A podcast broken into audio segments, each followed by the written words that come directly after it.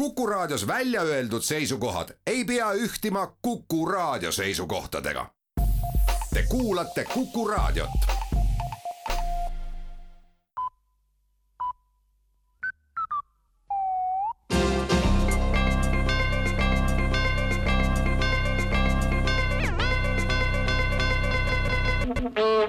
uudised on eetris ja stuudios Rohke Debelak.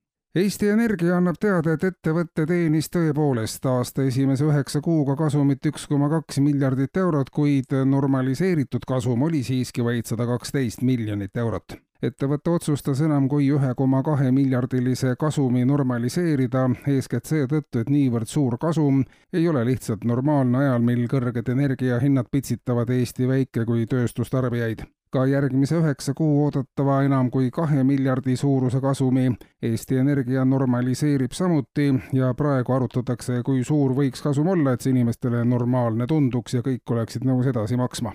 võib-olla tuleb kodurahu huvides kasum normaliseerida miinuseks, märgib ettevõtte teate lõpetuseks.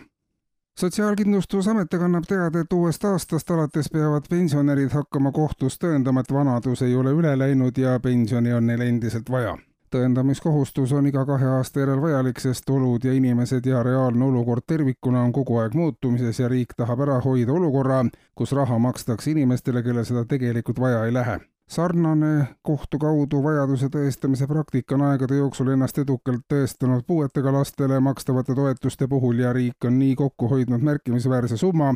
kui pensionär ei hakka aga Sotsiaalkindlustusametiga ühel või teisel põhjusel kohut käima, siis järelikult oligi vanadus mööda läinud ja inimene saab ise hakkama, märgitakse teate lõpetuseks kohtumenetluse avalikkuse eelnõu on aga saanud õiguskomisjonis selgemad raamid. selguse huvides sätestab nüüdses seadus, et kuritegusid, mis pandi toime avalikult, ka uuritakse avalikult ja need kuriteod, mis pandud toime salaja, leiavad oma lõpliku lahendi suletud kohtuistungil avalikult toime pandud kuriteo tegija on avalikustamisega arvestanud juba teo kordasaatmise hetkest alates. salaja kuritegu sooritanud inimesel aga oli õigustatud ootus, et tema isik jääb avalikkuse eest saladuseks, seega oleks tema isiku avaldamine ja ka kohtuprotsessi üksikasjade avaldamine avalikkusele juba täiendavaks karistuseks uuest aastast alates salaja kuriteo toime pannud isikule mõistetakse ka salaja kohut ja ka vanglakaristust hakkab ta vajadusel kandma salaja, nii et avalikkus sellest midagi teada ei saa ja vajadusel saab süüdimõistetu ka oma endisel ametipostil edasi töötada, et avalikkusel kahtlust ei tekiks.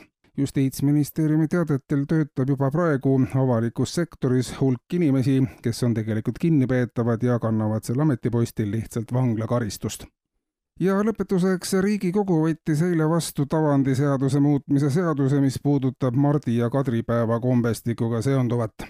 seoses sotsiaalmajanduslikult keerulise ajaga lubab seadusemuudatus sel aastal Marti joosta detsembri lõpuni ja Kadri santida veebruarikuu alguseni. tegemist ei ole ühekordse erandiga, vaid keeruliste aegade jätkudes antakse elanikkonnale peatselt luba Marti joosta aastaringselt. kuulsite uudiseid